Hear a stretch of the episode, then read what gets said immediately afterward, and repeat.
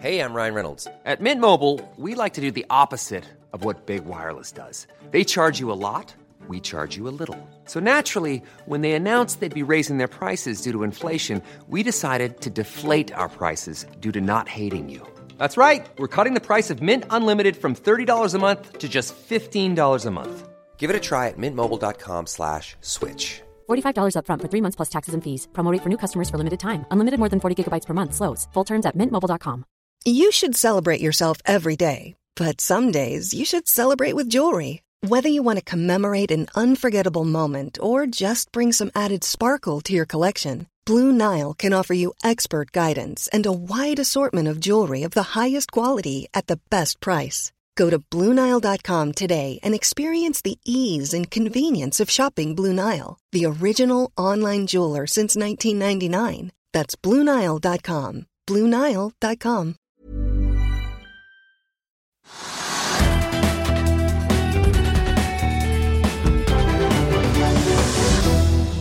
Velkommen til Økonominyhetene. Det er blitt tirsdag 24, unnskyld, onsdag 24. mai. Selvåg Bolig la fram kvartalstall onsdag morgen som investorene likte bedre enn noen av analytikerne. Vi har med oss administrerende direktør Sverre Molvik i selskapet. TGS og Kongsberg Gruppen har inngått et samarbeid om å samle inn data og utvikle løsninger for havvindindustrien. Vi har med oss administrerende direktør Kristian Johansen i TGS om litt. Men aller først om det, litt om det som skjer i markedene. Vi kan ta med oljeprisen, som er nesten uendra i hvert fall i inneværende døgn. Den er opp 0,03% nå, til 77 dollar og 63 cent. Og hovedindeksen på Oslo Børs den er ned 0,4% til 1222,30.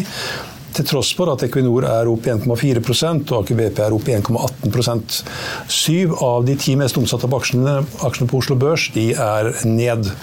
Eh, mest faller eh, Høg Autoliners.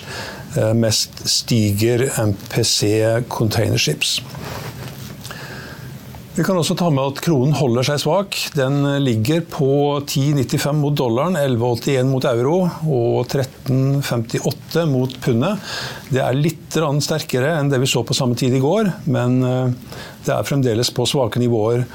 Og det bidrar til bl.a. at verdien på oljefondet er litt ned. Den var oppe på 15 200 milliarder i går og er nede på 15 030 milliarder i dag. Vi kan også ta med hvordan det står til på børsene i Europa. Her er det stort sett ned, og det er et par ting som tynger. Det er kommet inflasjonstall fra Storbritannia som var svakere, eller de var verre enn venta. Inflasjonen var på 8,1 i, i april. Mens matvareprisene de steg med 19,1% som var omtrent på samme nivå som de gjorde i måneden før. og Det er da år over år. Kan også ta med at Det er sterkere motvind i Asia, det også påvirker. og Den kinesiske børsen den er ned da i inneværende år fra å ha vært opp tidligere. Og motvinden da, er litt sterkere da i kinesisk økonomi. Vi ser også at rentene i Europa er opp. Og det snakkes om at resesjonen i USA den kommer, selv om den da nå er kanskje pusha ut til 2024. Slik at usikkerheten den er da litt økende. På børsen i Europa så er London-børsen ned 1,7 Det er ned 1,6% i Frankfurt, 1,7% i Paris, 2,2% i Milano, 1,2% i Madrid. Og det betyr også at Stock 600-indeksen er ned hele 1,6% Den ligger også an til å åpne ned på børsene i USA. Dow Jones ligger an til å åpne ned 0,7% mens SMP 500 ser ut til å åpne, opp, åpne ned mer enn 1% og Det samme på Nasdaq ligger an til å åpne ned 1,3 i øyeblikket. 19 selskaper har lagt fram kvartalstall onsdag morgen, og de har sendt aksjer opp og ned. Det finner du mer om på finansavisen.no. Dagens taper sammen med Bergen Bio er Høg Autoliners. Der er nedgangen på på 14-15% 14% nå, til 62 kroner 35 øre. Styreleder Leif Høeg i Leif Høeg Co. Han solgte aksjer for 765 millioner kroner i går kveld. Og det på kurs 62,50, som var 14% under sluttkurs på Oslo Børs i går, på 72 kroner og 70 øre. Men aksjen er opp 200% siste, siden børsnoteringen i november 2021. Og Hadde aksjen gått til sluttkurs, ville det tilsvart 872 millioner, men til 62,50 så er det altså da omtrent 107 millioner kroner mindre enn det man kanskje kunne håpe på. Etter denne transaksjonen eier familien 41,5 eh, av Bilfraktrederiet. Og det vi har solgt unna, er det vi støttekjøpte børsnoteringen for to år siden, sier Høeg til Finansavisen. Bergen Bio som nevnt faller tungt for tredje dag på rad. Aksjen falt 39% mandag, 65 i går, og i dag er aksjen ned nye 17,5% til 34 øre. Og kollapsen kommer i kjølvannet av kriseemisjonen på 200 millioner kroner til 10 øre, som ble annonsert lørdag. Investeringsdirektør Robert Næss i Nordea Investment Management har regnet seg frem til at aksjen skal ned til mellom 13 og 15 øre. Tirsdag kveld gjennomførte Klavenes Combination Carriers en emisjon hvor det ble hentet 550 millioner kroner ved å utstede nesten 7,9 millioner nye aksjer til tegningskurs 70 kroner. Onsdag faller aksjen 7,4% til nettopp 70 kroner. Olav Thons eiendomsselskap hadde et resultat før skatt på 234 millioner kroner i første kvartal, ned fra 2,5 milliard i første kvartal i fjor. MPCC, altså MPC Containerships, steg 8,4 i går etter å ha lagt fram bedre kvartalssalg enn mange hadde ventet. Aksjen fortsetter opp 7 i dag, og er med det opp 117% det siste året. Selvåg bolig hadde driftsinntekter på 734,2 millioner kroner første kvartal, mot 356,2 millioner kroner i samme kvartal i fjor. Driftsresultatet endte på 85,5 millioner, opp fra 49,5 i samme periode i fjor. Etter skatt endte resultatet på 70 millioner, som også var nesten en dobling da fra samme kvartal i fjor. Og aksjen den har vært høyt på vinnerlista. Nå er den eh, litt lenger nede, men den er fremdeles opp 3,4% til 31 kroner og 80 øre. Og etter en kort pause har vi med oss administrerende direktør Sverre Molvik i Boligutvikleren. Vil du bli oppdatert på det viktigste som har skjedd innen finans og næringsliv? Da er det bare å følge med, for hver morgen er jeg, Marius Lorentzen og aksjekommentator Karl Johan Malnes på plass i studio for å ta tempen på dagens marked i Børsmorgen. Og hver ettermiddag oppsummerer vi alt du trenger å vite i økonominyhetene, og det blir selvfølgelig masse interessante gjester. Klikk deg inn på fa.no-tv, eller søk opp Børsmorgen og Økonominyhetene der du hører på podkast.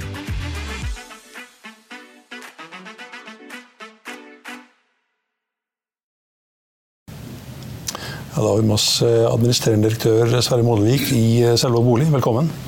Takk for det. Første kvartal det var bedre enn samme kvartal i fjor, som var litt sånn eh, Det var litt, det var litt slitent. Mm. Og selv om dere ikke nådde helt opp til analytikeren i DNB Markets, så var det bedre enn mange investorer hadde håpet på, kanskje. Hvordan vil du og styret oppsummere første kvartal? Nei, Det er et uh, godt kvartal. Uh, vi overleverer flere boliger i dette kvartalet enn vi gjorde i Q1 i fjor, som er egentlig hovedforklaringen på resultatbedringen. Men vi klarer å holde gode marginer. Det skyldes i hovedsak at vi har en policy på å låse byggekostnadene, slik at vi det er ganske høy forutsigbarhet da, på hva vi ender opp med byggekostnad fra vi byggestarter et prosjekt til vi ferdigstiller. Det er ingen lønns- og prisstigningsjusteringer i, i våre kontrakter. Ergo så eh, klarer vi å opprettholde gode marginer til tross for at rentene har økt og byggekostnadene eller lønns- og prisstigningen har vært sterk i denne perioden. Har dere starta bygging av mange boliger i den perioden etter at byggevarekostnader og inflasjonen eksploderte? Ja, vi har byggestarta, eller alt det vi har byggestartet det siste året egentlig, har jo, eh, har jo vært i den perioden. Eh, men vi kontraherte veldig mye av det vi har byggestartet før eh, krigens start. Slik at vi har en låst byggekostnad som er på lavere nivåer enn det som har vært mulig å oppnå da i denne, eller etter krigens start. Mm. Dere starta bygging av 4,5 bolig i første kvartal. Det må være all time low? Ja, det er all time low, og det var noe jeg prøvde å guide på da i, i februar. Ved å komme med nyheten at vi utsetter byggestartene. Dvs. Si vi utsetter kontraheringen på enkeltprosjekter til etter at vi har salgsstartet de. Eh, fordi tesen er at byggeprisen er på vei ned. Slik at det er smartere å kontrahere da nærmere ferien. Så det var egentlig noe jeg prøvde å varsle. Eh, vi har solgt nok til å byggestarte langt mer enn de eh, fire-fem enhetene vi byggestartet. Men det var sånn sett et lite prosjekt i Trondheim som vi bare byggestartet. Det Eh, kommer til å byggestartes mer, men vi må vente med å byggestarte til vi har kontrahert. Mm. Du ser Byggekostnadene er på vei ned, men byggevareindeksen er på vei litt opp fremdeles, er den ikke det? Jo, byggevareindeksen er vel eh, på vei opp, det kan du si. Eh, så er det sånn at når... Ikke 6 høyere enn for et år siden? Ja. Eh, og så kan man si Tilbud og etterspørsel styrer veldig mye av dette her. Og hvis entreprenørene ikke har noe å gjøre, så får man velge, da. Byggekosten må ned for at man skal kunne byggestarte prosjekter. Byggestartene så langt i år er omtrent på halvparten av det de var i fjor. og da Eh, gjør det noe med eh, villigheten til å gå ned i pris, og ikke minst margin da, i entreprenørleddet, som nok kommer til å trumfe eh, er hypotesen vår, min, at det trumfer da vekst i lønns- og prisstigning. Hvor mange boliger kommer dere til å legge ut på salg nå i perioden som kommer? På andre halvår f.eks.? Det vil avhenge veldig av eh, hvor mye som selges. Eh, vi har ganske mye klart, så vi kommer til å legge ut trinn for trinn. og Selges det unna nok til å byggestarte, så legger vi ut nye. Vi kan legge ut veldig mye. Vi kan legge ut 800-900 enheter om så er. Dere har klar 800-900 i pipeline som du bare, bare pøser ut? Ja, men noen av de kommer eh, som en konsekvens av at det går bra på, på, tidligere trinn. Så man må legge ut ett trinn. Går det bra på det, så legger vi ut nytt trinn. Det avhenger av hvordan markedet vil fungere fremover. Som igjen avhenger av rente og og ikke minst av byggekost, tilfredsstillende byggekost for i det hele tatt å legge ut. Mm. Det, det, høres ut som visibiliteten er litt sånn uh, uklar. Uh, hvis, hvis, vi ser på inntektene da, i kvartalet, kvartal for kvartal, så er de sånn, liksom, på litt på vei nedover. Hvor vil det fortsette? Jeg vil si Vår inntekt man må skille på Den inntekten som gir resultater da, etter IFRS, er jo egentlig historiske inntekter, som da er avhengig av ferdigstillelser eh, og overleveringer til sluttkunde. Det gir jo resultater i, det, i, i, de kvartalene her nå. Mens det vi selger på og igangsetter, går jo inn i løpende avregningsmetode. Og det er det vi jobber med nå, og det er jo å jobbe med resultatene som, eh, som kommer i 2025 året i år og neste år er i, i all hovedsak allerede avklart. Så det er jo litt spesielt. Eh, men det, er det vi jobber med nå, det er som sagt eh, resultatene i 2025. Så inntektene der er helt avhengig av eh, sentimentet til kundene, og som igjen avhenger av rentenivå, tilbudssiden av nye boliger og mange andre faktorer. Da. Og enn så lenge så har jo tilbudssiden av boliger vært ganske knapp, som gjør at vi har lykkes bra med å selge i det kvartalet her og så langt i år, kontra i annet halvår i fjor. Så det er mye bedre marked nå enn det det var i annet halvår i fjor. Men det er, ingen, det er ikke normalt, men det er relativt sett bra, da, gitt omstendighetene. Mm. Um, det ser ut som dere har, av det som skal leveres i år, da, du har guida på 744 boliger. Mm. Og det ser ut som at eh, rundt 150 av de ikke er solgt. Kan det stemme? Ja, i utgangen av kvartalet så stemmer nok det bra. Så da selger vi som, eh, ja, normalt så selger vi jo lineært på et prosjekt fra byggestart. Så har vi solgt 50-60% og den andelen som vi da ikke har solgt, selger vi jo lineært gjennom byggetiden. Og skal i teorien være utsolgt ved ferdigstillelse. Eh, og det jobber vi med. Men det er ikke sånn at vi rabatterer veldig mye for at det skal skje. så Det hender jo at vi har noen usolgte ferdigstillelse. Eh, PT så har vi vel 37 enheter ut av Q1 som er ferdigstilt usolgt. Og noen av de er visningsleiligheter osv. Det, er, det er et nivå som vi har god kontroll på. Da. Og det er et lavt nivå i forhold til eh, hvor mange vi har under produksjon. Mm. Av de 1100 som er i produksjon nå, så er 69% solgt. Dvs. Si at det er ca. 350 boliger som ikke er solgt. Og gitt at dere selger én om dagen, er dere komfortable med det? Ja. Og det der var utgangen av kvartalet. Nå er vi jo halvveis inn i neste kvartal, så vi har jo solgt flere av de eh, som da var usolgte allerede nå. Så det er vi komfortable med. Og det styrer vi fra prosjekt til prosjekt. Eh, 80% f.eks. av det som overleveres i år, eh, er jo solgt allerede. Så mye av, denne, eh, mye av den andelen ligger jo på ting som ferdigstilles i 24 og noe i 25. Kjøperne av de boligene som nå blir levert fremover, mm. er de også på fast pris, eller vil de bli justert med byggevareindeksen? De er på fast pris. De er fast priser? Ja. Vi tar forbehold i enkelte prosjekter. Vi har lagt ut et par prosjekter nå hvor vi for en gangs skyld tar forbehold overfor kunden om at vi oppnår en tilstrekkelig eh, eh, entreprisekost.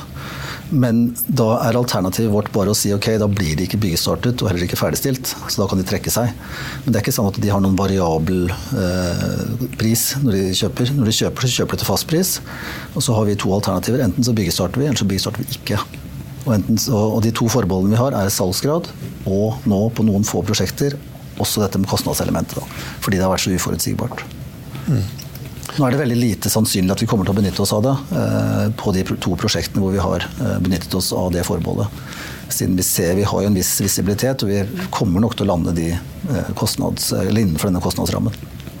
Med bl.a. økte renter, er det noen som da har kjøpt bolig som er litt, ja, kommet litt i trøbbel, og spør om de kan få trekke seg? Nei, ikke noe som jeg har, ikke som jeg har blitt informert om. Og det er det ganske sjelden. Selv i finanskrisen så var det veldig få som trakk seg. Man er jo juridisk bundet. Så kan det være noe enkelt som, som When you're ready to pop the question, the last thing you want to do is second guess the ring. At BlueNile.com you can design a one-of-a-kind ring with the ease and convenience of shopping online. Choose your diamond and setting. When you find the one, you'll get it delivered right to your door. Go to Bluenile.com and use promo code LISTEN to get $50 off your purchase of $500 or more. That's code LISTEN at Bluenile.com for $50 off your purchase. Bluenile.com code LISTEN. I'll see you in court. Vi sier det ofte litt på spøk, men for deg som driver business, er det aldri moro å innse at du ikke har laget en 100 gyldig kontrakt. Du bør ikke risikere hele firmaet ditt fordi du synes dette med kontrakter er litt stress. En avtale er ikke en avtale. Du kan miste kunder, miste venner, ja, til og med miste inntekter om du ikke lager en skikkelig kontrakt, på alt mulig, egentlig. Men vi vet det er et styr. Kopimaskiner, treg printer og haugevis av papir. Dessuten stoler vi jo på folk her i landet. Det er ofte litt kleint å skulle be om en signatur for alt mulig, ja, for mye av styret handler også om jakten på underskriften. Det finnes en enkel måte å løse dette på, Dukkobit, en trygg, effektiv og get this, gratis måte å sikre seg en god natts søvn pluss en juridisk bindende avtale. Dukkobit-appen har de strengeste sikkerhetskrav i bunn, samt en EU-godkjent og sertifisert teknologi. Framover vil det bli behagelig å spørre du, skal vi skrive under på det, eller? Kom i gang på dokobit.no. Prøver seg eh, på å trekke seg, men det er ikke noe som er eh, ikke noe, ikke noe volum å snakke om. Og Unntaksvis så lar vi jo eh, det skje, men det må være da en meget, meget god grunn. Ikke bare det at man har kjøpt en bolig og så tenker at det er greit å walk away hvis det ikke blir en, mulig å flippe den til en høyere pris. Er det mange som flipper kontrakter? Nei, det er ikke mange, men det begynner å komme litt interesse tilbake igjen fra eh, investorer. Det gjør det. Eh, så smått. Eh, gjelden er på 2,3 milliarder, du har byggelån på 1,3 og netto rentebærende gjeld på 1,9 milliard. Mm. Er dere komfortable med det? Ja. Det er helt greit? Det er helt greit. Hvordan biter rentene? Nei, rentene biter relativt sett på vår hånd kanskje mindre, enn, mindre enn konkurrentene. Så det, det, er vi helt komfortable med. Det er byggelån eh, stort sett uh, dette dreier seg om. Og uh, tomtelån på delvis det vi har inhouse, og noe mot Urban Property. Så det er helt på, på fornuftige nivåer. Nei, Renten varierer, marginen, men det er jo, det er jo Nibor pluss-lån vi snakker om her. Da, og uh, Til Urban Property så er det Nibor pluss 375. Uh, de fleste byggelånene ligger vel på Nibor pluss 22-ish. Så det er nivåer vi lever godt med. Finanskostnadene utgjør ikke fryktelig mye av totalkostnaden i våre prosjekter. Mm. Ikke byggestrøm heller, kanskje? Nei, byggestrøm er ikke, det er ikke det som velter lasset. Nei. Nei. Eh, dere har jo det, Det bygges for lite i Oslo, og så bygges det nok i områdene rundt Oslo. Hvor mange boliger har dere i Oslo under bygging nå? Eh, I Oslo under bygging nå så har vi 150 ish ca. Ganske lite. Er det, er det en større andel som er solgt av det enn hvis du ser på snittet? Ja, Nå har vi lagt ut ganske nylig det siste. Altså det er, eh, men sånn sett så tikker det og går veldig greit der. Det er veldig høy etterspørsel i Oslo, og det selges til høye priser.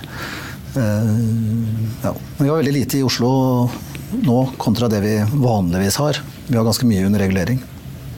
Med all den usikkerheten som du også var inne på i eh, kvartalspresentasjonen din, hvordan vurderer du de kommende kvartalene? De kommende kvartalene er veldig avhengig av som, hvordan byggekostnadene utvikler seg. Eh, og selvfølgelig eh, hvordan eh, renten utvikler seg. Vi ser positivt på Stor-Oslo-markedet og den etterspørselen som er generelt etter nye boliger. effektive planløsninger. De er energieffektive, billig å bo der.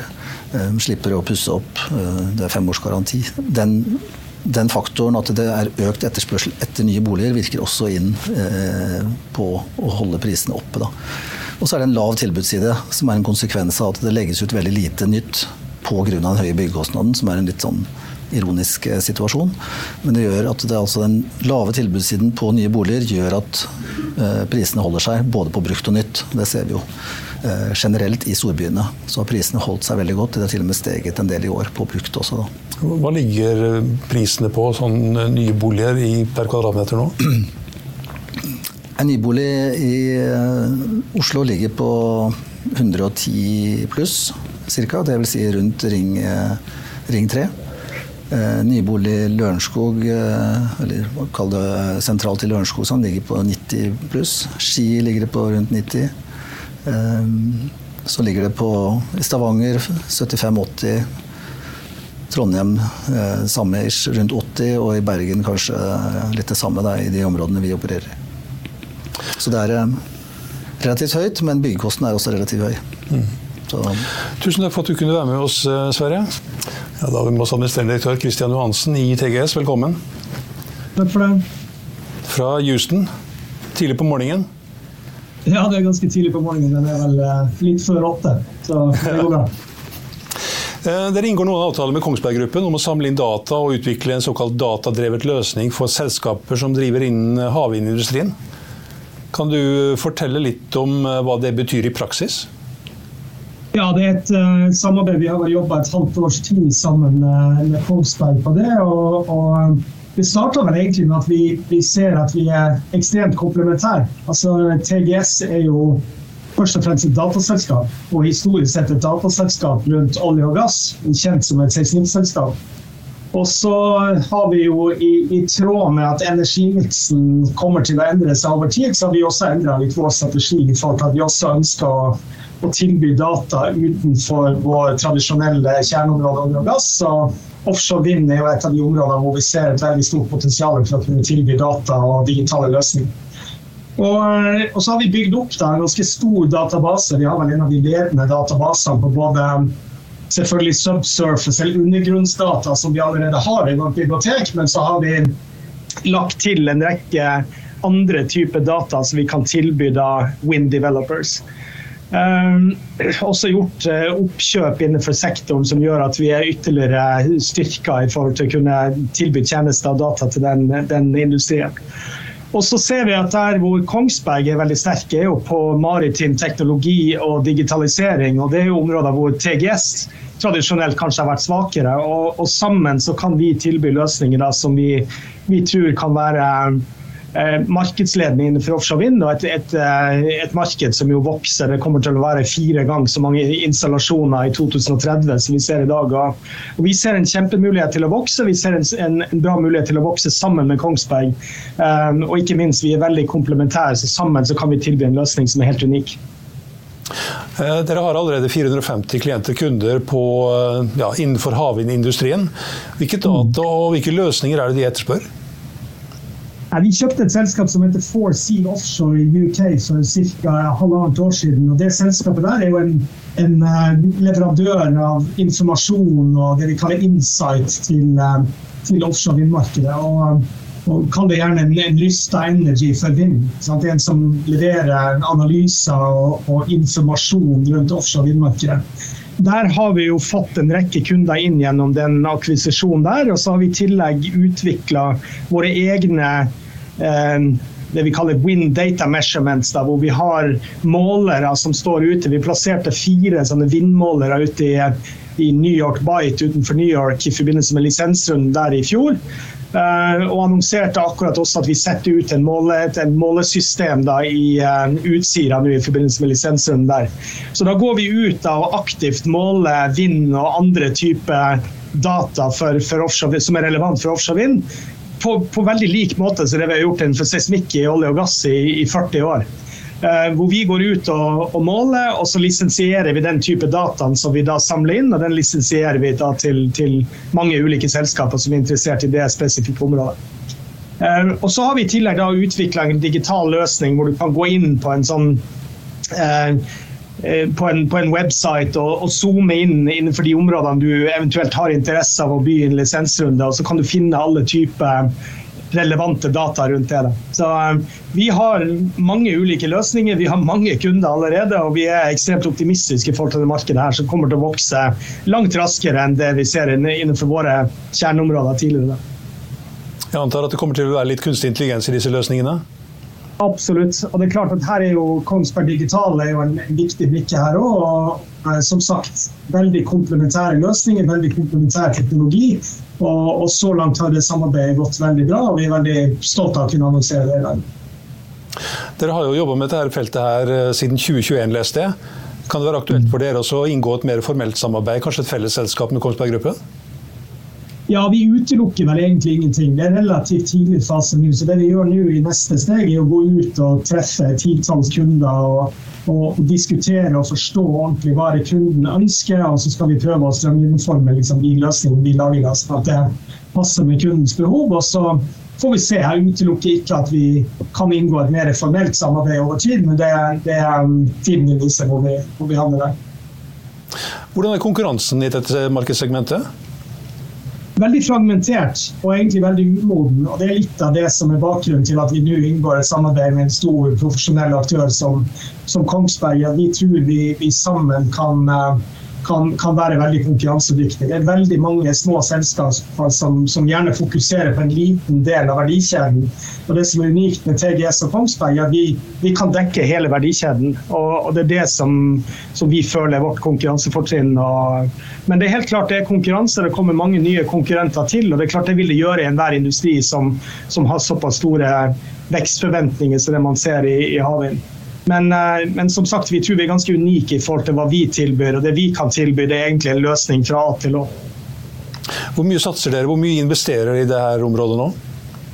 Ja, vi har investert eh, noen titalls millioner dollar så langt. Eh, og, og, akkurat i det vi skal utvikle videre nå, så er det ikke så veldig store dollarbeløp vi skal investere. For først og fremst handler det om å samkjøre det vi allerede har, og lage et, et, et mer komplementært produkt. Men, men, men, det er også litt sånn, det, det er still early days, og, og, vi er fortsatt i planleggingsfasen i forhold til hva, ikke minst hva kunden vil ha. og Så skal vi lytte til kundene og, og forstå hva, hva de ønsker. og så eh, baserer vi budsjettene litt basert på det. Det å utplassere en sånn bøye som måler sikkert bølgehøyde og vindstyrke og temperatur og forskjellige ting, det høres ikke så veldig vanskelig ut? Nei, det er jo egentlig ikke så veldig kompleks, men, men uh, det som er kompleks, er jo at du tar den dataen da fra, fra offshore Utsira, ikke sant? og så skal du skal du eh, legge til en rekke data som allerede er public. ikke sant? Det finnes masse data som du kan få public i dag, og så bruker du artificial intelligence ikke sant? Til, å, til å smøre det sammen da, inn, i et, inn i et produkt som da gir en, en, god bakgrunn til the decision making process. ikke sant? Og Det er jo gjerne sånn med offshore vind, akkurat som med olje og gass, at du eh, etter hvert som konkurransen blir tøffere, så trenger du også mer data. Og data blir viktigere og viktigere i forhold til til eh, beslutningsprosessen. Og, og vi tror at ved å, ved å ha eller tilby bedre og mer data, og ikke minst kunne bruke artificial intelligence til å kunne ytterligere forbedre det, det vil være et konkurransefortrinn i, i fremtida. Eh, er det snakk om noen store ordre hittil, eller er det stort sett eh, i en startfase?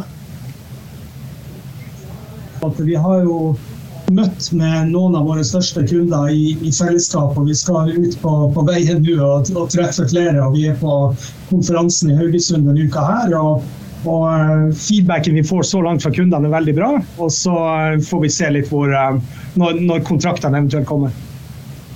Tusen takk skal du ha, Kristian, for at du kunne være med oss. Takk for det. I eh, Finansavisen i morgen så kan du lese Trygve Egners leder om røde Mimers regnestykker. Ingen vet hvor det bærer hen i byggevarer. Om Grieg Seafood som vant i retten, og om kollaps, kollaps i legemiddelselskap etter kursdrepende finansiering. Det var Økonominyhetene her på Finansavisen onsdag 24. mai. Vi er tilbake igjen her med Børsmorgen i morgen klokken 8.55. Da har vi med oss investeringsdirektør og viseadministrerende direktør i Pensjonskassen for helseforetakene i hovedstadsområdet, Pål Ringholm. I Økonominyhetene klokken 14.30 har vi med oss administrerende direktør i Elliptic Labs, da Laila Danielsen, og norgessjef for NREP, Jens Petter Hagen. Husk også at du får de siste nyhetene minutt for minutt på finansavisen.no. Mitt navn er Stein Ove Haugen. Tusen takk for at du så på og hørte på. og håper du er med oss igjen i morgen også.